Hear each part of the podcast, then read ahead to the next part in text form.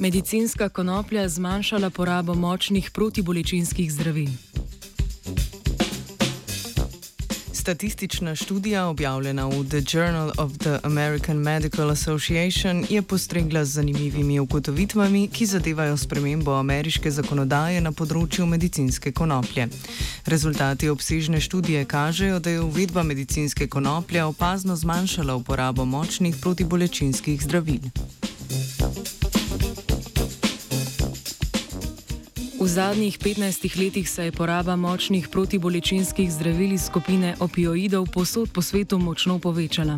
Potem, ko so zdravniki ob vstopu v novo tisočletje spremenili svoj odnos in zmanjšali toleranco do bolečine, se je predpisovanje opioidov namreč povečalo za kar trikrat.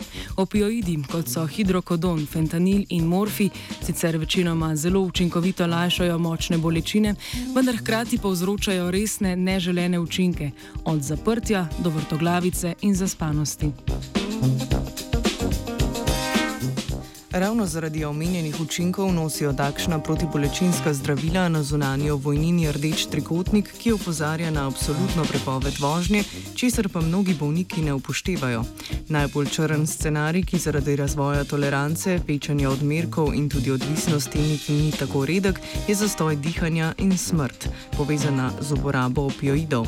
Na tak način so zaradi zlorabe protibolečinskih zdravil na recept v zadnjem času prezgodaj umrli številni igralci in glasbeniki. Pred nekaj leti pa so v Združenih državah Amerike zaznali nenaden upad predpisanih zdravil iz skupine opioidov. Na prvi pogled nepričakovan pojav je statistična študija uspešno povezala s premembo zakonodaje o uporabi medicinske konoplje v več ameriških zvezdnih državah. Določenim bolnikom, pri katerih zdravljenje bolečine ni dalo želenega rezultata, so v nekaterih državah omogočili gojenje lastne konoplje v domačem okolju.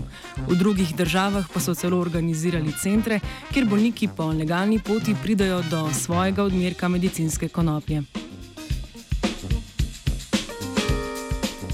Za izvedbo statistične študije so raziskovalke in raziskovalec v časovnem obdobju med 2010 in 2015 beležili skupno število predpisanih dnevnih odmerkov za določeno zdravilo. Podatke so pridobili od zdravnikov, ki delajo v okviru sistema Medicare, ki nekaterim državljanom Združenih držav Amerike omogoča vsaj delno kritje stroškov za sicer plačljiva zdravila.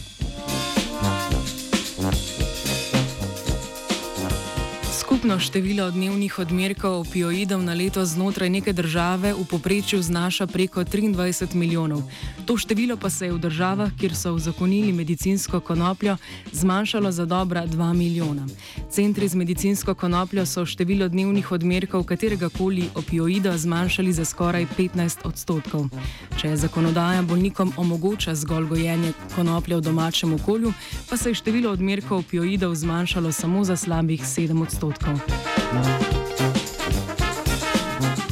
Čeprav stroka zaenkrat ostaja previdna, je vsekakor spodbudno dejstvo, da poraba opioidov in z njimi povzročeno število smrti v Združenih državah končno upadata. Ob tem pa uporaba marihuane za medicinske namene narašča, predvsem med starejšo populacijo. Ali so tudi slovenski detki in babice pripravljeni na novo hipi revolucijo, se sprašuje Andreja.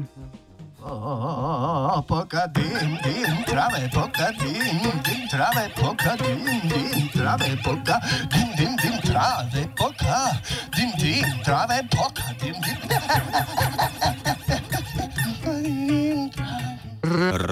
Radio študent.